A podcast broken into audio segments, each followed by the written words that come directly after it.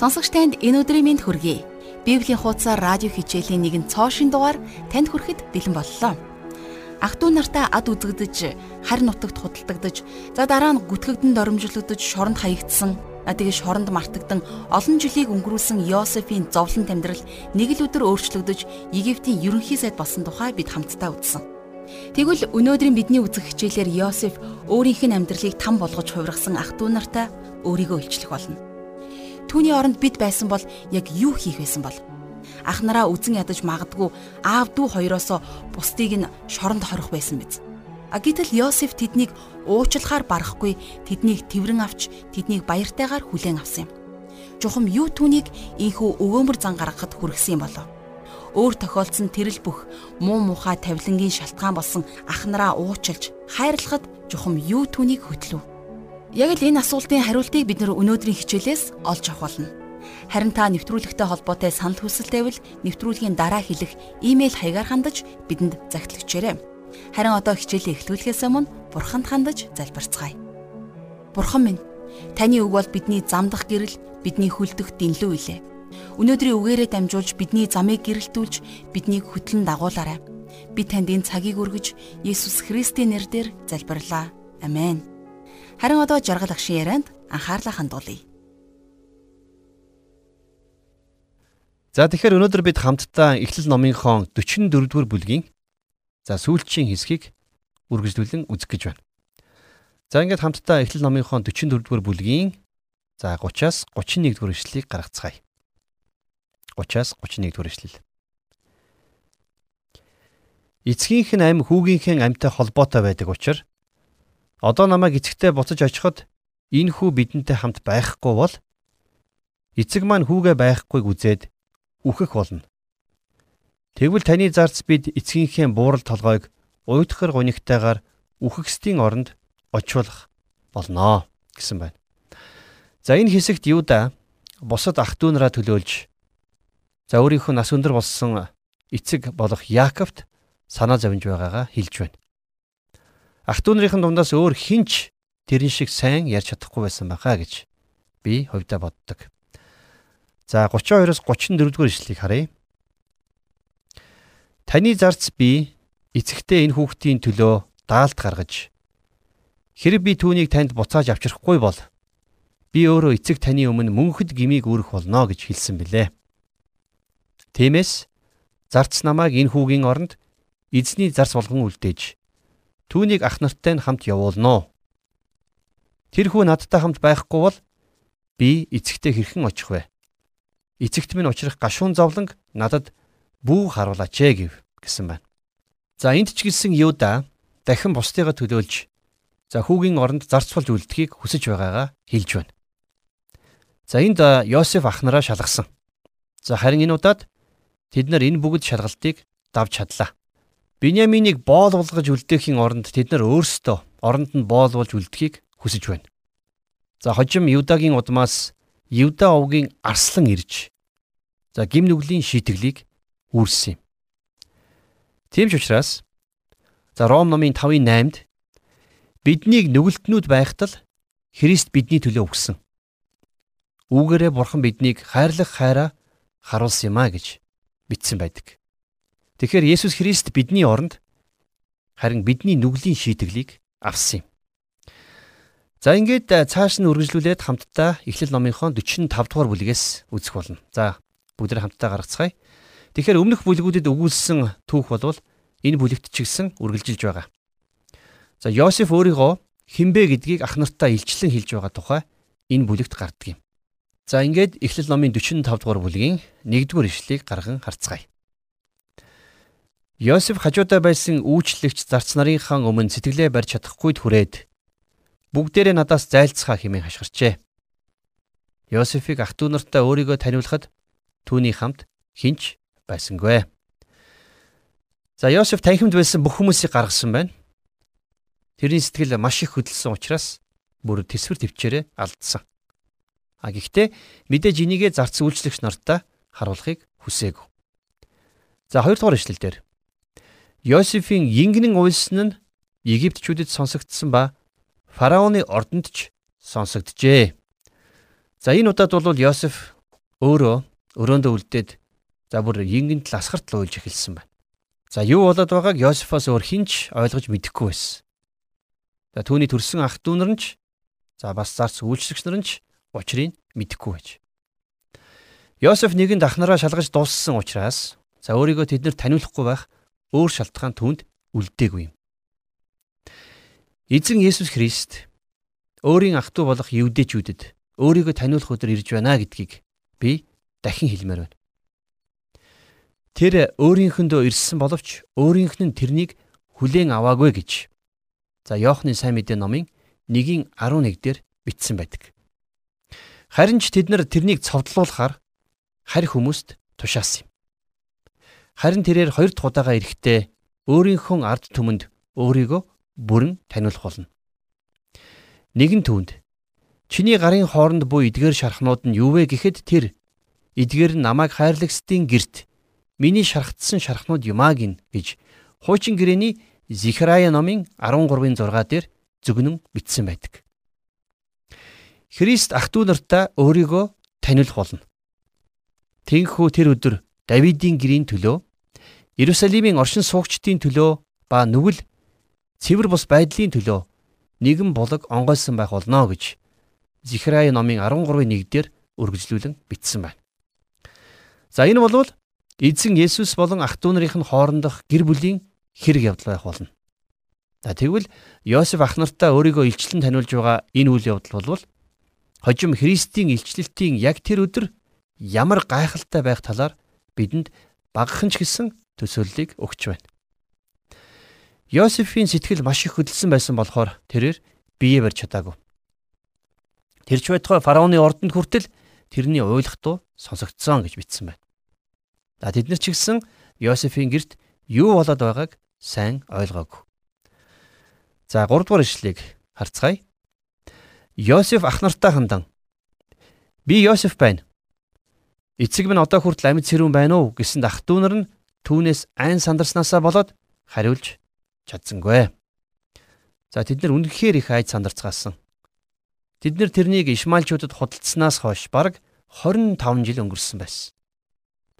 Тэд нар Йосефийг өөртөөс нь өшөөгөө авахыг хүсэх нь лавтай гэж тэд нар бодсон байна. За тэд нар үнэхээр шоконд орсон байсан учраас юу ч хийж чадаагүй байна. За дөрөвдүгээр ишлэлийг цааш нь уншийе. Йосеф ах нартаа над руу ойртцгоо гэсэнд тэд ойртон очижээ. Тэгээд Йосеф би бол та нарын дүү Йосеф. Та нарын Египт рүү худалдсан тэр хүн чинь байна. За. Би бол та нарын дүү. За энэ үгийг сонсоод тэд нар айсан байх. Бүр гайхсан байх. За тэд нар юу гэж бодож байсан болоо? Энд Йосеф тэдэнд хэрхэн хандж байгааг хараарай. Тэр уурлаж хилэгнээгүй За бүр өшөө авахыг ч хүсээгүй. За ийм тохиолдолд ихэнх хүмүүс уурлаж тэгээд өс хонсон сандаг. Харин тэр яагаад өшөө авахыг хүсэхгүй байгаа юм болоо? За 5 дугаар ишлэгийг харъя. Та нар намайг энэ газар худалдсандаа бүү санаа зов, бүү харамс. Бурхан амийг аврахаар та нараас өмнө намайг илгээжээ. За маш сонирхолтой нууцыг Йосеф олж мэдсэн байна. Тэгэхээр тодорхой нэгэн зорилгын төлөө Бурхан энэ бүхнийг хийсэн гэдгийг Йосеф хэлж байна. Бурхан тэрний амьдралд үнэхээр ажиллаж байсан. За цааш нь 6-аас 8 дугаар ишлэлийг харъя. Энэ нутагт 2 жилийн турш ган зуд болсон бөгөөд бас дахин 5 жил газар хагалж чадахгүй, ургац хурааж чадахгүй. Бурхан их авралаараа та нарыг амьд үлдээж, үр удмыг чинь газар дэлхий дээр уламжлуулан үлдээхээр та нараас өмнө намайг илгээжээ. Тийм учраас намайг нааш нь та нар явуулаагүй. Харин бурхан явуулсан. Бурхан намайг фараоны эцэг, түүний бүх гэрийн эзэн, Египтийн бүх нутгийн захирагч болгосон билээ гэсэн байна. За хэрвээ та бид нар бурхны мотор бидний амьдралд байгааг олж харах юм бол уурлаж үс хонцон сан чадна гэж юу? Мэдээж үгүй. Йосеф энд бурхныг дахин алдаршуулж байна. Египтэд хүргэгдэж ирэхдээ Йосеф 17хон настай байсан. За фараоны өмнө анх зогсохдоо 30 настай болсон байсан. За тэгээд элбэг хангалуун 7 жил өнгөрч ган гачиг болж эхлээд 2 жилийн нүүр үзэж байсан. За тэгэхээр Йосеф энэ үед 39 настай за Египтийн нутагт амьдраад 22 жил болчихсон байж. Энэ бүхий л хугацаанд Бурхны мотор өөрийнх нь амьдралд байхыг тэрээр харж байлаа. За тийм ч учраас тэрээр ах нартаа өсөрхөж чадаагүй юм. 9-с 11 дугаар ишлэл. Та нар эцэг дээр минь түргэн очиж түүнд таны хүү Йосеф ингэж хэлв. Бурхан таны хүү Йосефийг бүх Египтийн эзэн болгожээ. Над руу даруй түргэн ирээч. Та үр хүүхэд, ач зээнэр, мал сүрэг бүх ид хөрөнгөнийхөө хамт Гошен нутагт амьдран сууж надад ойрхон бай. Дан зуд дахин 5 жил үргэлжлэх учир би таныг тэнд тижээн.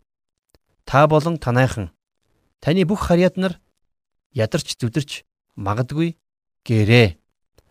За тухайн үед хэрвээ Яаков бас тэрний гэрийнхэн Палестинд үлдсэн байсан бол амьд үлдэж чадахгүй байх байсан.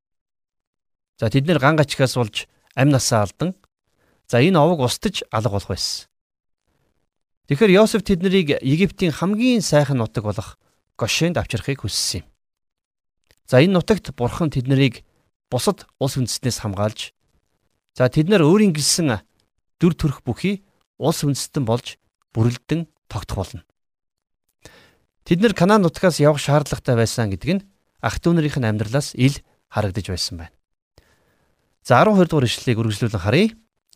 Та нарын болон миний дүү Биньяминий нүдэн дээр та нарт энэ үгийг хэлж байгаа хүн бол Йосеф би биеэрээ байна гэсэн байна. За Тэд нар бүр гайхаж алмайран юу ч хэлж чадахгүй зогсож байсан бололтой. Йосефийн ярьж байгаа бүхэнд итгэхийн аргагүй байсан ч гэсэн Йосеф тэнд яг тэдний өмнө зогсоод энэ бүхнийг ярьж байлаа. 13-аас 14 дугаар ишлэл. Та нар Египт дэх миний алдар хүндийн тухай болон энд үзэж харсан бүхнээ эцэгт минь зүмийг нь хэлээрээ. Тэгээд эцгийг минь энд түргэн авчир гээд Өөрийн дүү Биньяминийхаа хүзүүгээр тэрвэн уйлахад Биньямин ч бас түүний хүзүүгээр тэрвэн уйлав. Йосефийн төрсөн дүү Биньяминтайгаа уулзж байгаа энэ уулзалт бол үнэхээр сэтгэл хөдлөмөр харагдаж байсан болов уу гэж би боддог. За 15 дугаар ишлэгийг харъя. Йосеф бас ах нараа үнсээд тэрч уйлав. Тэгээд ах нар нь түүнтэй ярилцгаав. За бусад ах нар нь бантаж За юу ч хийж чадахгүй байсан бол одоо харин сая л нэг ухаан орж Йосефтэй ярилцж эхэлсэн. За тийхүү тэдний тухай мэдээ гадуур тархсан байна. 16 дугаар ишлэл. Йосефийн ах нарын ирсэн тухай сураг фараоны ордонд сонсогдож фараон болон түүний түшмэд баярлцгаав. За Йосефийн гэрээ сонсогдож байсан тэр бүх дуу чимээг хүмүүс сонсож чадхаар байсан байна. За тэнд жохом юу болоод байгааг фараон мэдхийг хүсэж за нэг зарцаа Йосефийн герт юу болж байгааг асуулгахаар явуулсан байхаа гэж би тааж байгаа. За зарц эргэж ирээд Канаан нутгаас ирсэн 11 хүн чинь бүгдээрээ Йосефийн ах дүү нар байсан байна гэж үтсэн. За фараон энийг сонсоод ихэд баярлсан. Харин энэ бүхэн яагаад тэрнийг жоохон баярлуулсан юм болоо? Фараон Йосеф болон тэрний гэр бүлийнхэнтэй ижил угсаа гаралтай Хиксос хүн байсан бололтой гэж ярьж байсныг та санаж байгаа бах. Тэр Египтчүүдэд тийм ч их итгэж чадахгүй байсан. За мөн Йосефийн итгэмжтэй байдлыг өндрөөр үнэлж байсан болохоор энэ мэдээ тэрнийг Йосефоос дутхааргүй баярлуулсан бололтой. За 17-оос 19 дугаар ишлэгийг харъя. 45 дугаар бүлгийн 17-оос 19 дугаар ишлэл. За фараон Йосефт хандан ах トゥ нартаа тушаа. Та нар хоол хүнсээ ачаалан хөдөлж Канаан нутагтаа очиж эцгээ болон гэр орныхныгоо дагуулan нааш хурч ир. Би та нарт Египтийн хамгийн сайн газрыг өгнө. Та нар тэр газрын үр шимийг хүртэх болно. Та нар одоо тушаал авсан тул гүйцэтгэг. Египт нутгаас хөсөг тэрэг авч ихнэр хүүхдүүдээ суулган эцгээ авчруулаа гэсэн байна. За энд фараон хөсөг тэрэг явуул гэж тушааж байна. Хөсөг тэрэг бол тухайн үедээ шинэ одоо бүтээл байсан. За тэгээд Кананаас ирсэн энэ ирчүүд за тийм хөсөг тэрийг ашиглаж хараахан эхлэегүй байсан юм. Харин Египтчүүд хөгжлийн хувьд тэднээс илүү давуу байсан нь харагдаж байна. За 20 дугаар ишлэл. Та нар эд хөрөнгөндөө харамсах хэрэггүй. Учир нь Египтийн хамаг сайн сайхан юм та нарыг гэрээ гэв. За та нар өөр ямар нэг юм авчрах хэрэггүй. Бид нар та нарт хэрэгтэй бүхнийг чинь эндээс өгөх болно гэж хэлж байна. За 21-с 26 дугаар ишлэлдэр харах юм бол Израилийн хөвгүүд ёсчлон хийжээ. Йосеф фараоны тушаасан ёсоор тэдэнд хөсөг тэрэг болон замын хүнс өгөв. Бас тэрээр хүмүүрд нижгээд хувцс өгч Биньяминд 300 шекел мөнгө болон 5 ээлжийн хувцс өгчээ. Мөн тэрээр эцэгтэй 10 эр илжигэнд Египтийн сайн эд бараа ачуулж 10 им илжигэнд эцгийнхээ замд хэрэглэх будаа тариа талах замын хүнсийг ачуулж явуулав. Тэрээр ахнараа үдэж гаргахдаа замдаа бити хэрэлдээрэ гэж тэдэнд хэлв. Тэд Египтээс гарч Канаан нутагт эцэг Яаковынд хурч ирэв. 26 дугаар эшлэлдэр тэгээд эцэгтэй Йосеф одоо ч амьд байна. Тэрээр Египтийн бүх нутгийн захирагч болжээ гэсэнд Яаков гайхаж тэдэнд итгэсэнгүй. За энэ бүхэн үнэн гэдэгт Яаков үнэхээр итгэж чадаагүй. 27 дугаар эшлэл. Тэгээд тэд Йосефийн өөрсдөд нь захиж хэлсэн бүх үгийг эцэгтэй хэлж өгөв. Эцэг Яаков нь өөрийг нь суулгаж аваачаар Йосефийн илгээсэн хөсөг тэрэгнүүдийг хараад сэтгэл нь сэргэв. За эцэст нь мань хөгшин Яаков тэдний үгэнд итгэж сэтгэл санаа нь сэргэж сайхан болсон байна. За тэгээд юу гэж хэлснийг бүгдээрээ харцгаая 28 дугаар эшлэлдэр. Израиль одоо боллоо. Миний хүү Йосеф одоо хүртэл амьд байгаа юм байна. Би өгөхөөс өмнө очиж түүнтэй уулзъя гэж хэлвэ гэсэн байна. За тэгэхээр Йосефийн тухай сонссон нь Яаковыг Египт рүү явах шийдвэр гаргахад нөлөөлсөн. Тэрээр Египтэд үлднэ гэсэн бодолтой байсан гэж та бодож байна уу? А би бол тэгж бодохгүй байгаа. Тэрээр зүгээр л хүүдэрээ айлчилж очоод за гангачиг дууссны дараагаар ч юм уу нутагтаа ер нь эргэж ирнэ гэж бодож байсан байх. А гэвч тэр амьд ахуда Канаанда буцаж ирч чадаагүй. Харин Египтэд нас барсан. За хэдийгээр гэр бүлийнх нь бүгдээрээ Египтэд амьдарч байсан боловч за хожим нь тэрнийг Канаан нутагт нь авчирч оршуулсан байдаг.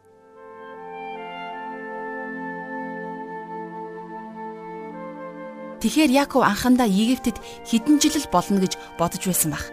Хэдийгээр цөөхөн жил явна гэж бодож байсан ч Яков тийшээ явхдаа баг зэрэг цааргалж байсан юм. Учир нь эртнийгэн цагт бурхан Авраамд Египт рүү бүү оч гэж хэлж байсан юм. Мөн Авраамыг тэнд очих үед томоохон асуудал тулгарч байсан. Мөн Исаакт ч гэсэн бурхан яг ийхүү хэлж байсан юм. Тиймээс Яаковт ч гэсэн Египтийн нутаг руу явах нь зөв үү үгүй юу гэсэн асуулт төрж байсан болов. Хүү Йосефос нь төдийгүй фараоноос хүртэл урилга ирсэн ч гэсэн түүнд бурхны зөвшөөрөл түүнээс ирэх ногоон гэрэл хэрэгтэй байсан юм. Эндээс бид Яаковыг хэрхэн өөрчлөгдөж, хэрхэн бурхнаар сургагдж, бурхны хүслийг хайдаг хүн болж өөрчлөгдсөнийг харж чадна. Өмнө нь өөрийнхөө дураар хүссэн зүйлээ хийж чаддаг байсан Яаков харин одоо бурхны удирдамжийг хайдаг нэгэн болсон байна. Энэ бол бурхны хийсэн ажил юм. Тэр биднийг ийхүү сайнаар өөрчилдөг юм. Бурхан өнөөдөр ч гэсэн та биднийг инхүү өөрчлөхийн тулд ажилласаар л байгаа юм. Бурхан бол бидний амьдралын нөхцөл байдлууд саад бартаа зовлон бэрхшээлээр дамжуулж биднийг засч залруулдаг, бидний дээрээс ивэл өрөөлөж харамгүй болгодог тийм л сайн эзэн юм. Харин одоо хамтдаа тэр сайн бурханд хандан итгэлийн амьдралаа даатхан залбирцгаая. Эзэн минь та өөдгөө сүл дорой Яаковыг өөрчилсөн шигэ өнөөдөр биднийг ч гэсэн тийхүү сайнаар өөрчлөөч ариун сүнсээрээ дамжуулан бидний дотор ажиллаж өдөрвөр биднийг тантай хамт алхуулж өгөөрэй. Би танд эрх өдрүүдийг, эрх он жилүүдийг танд өргөж, Есүс Христийн нэрээр залбирлаа. Амен.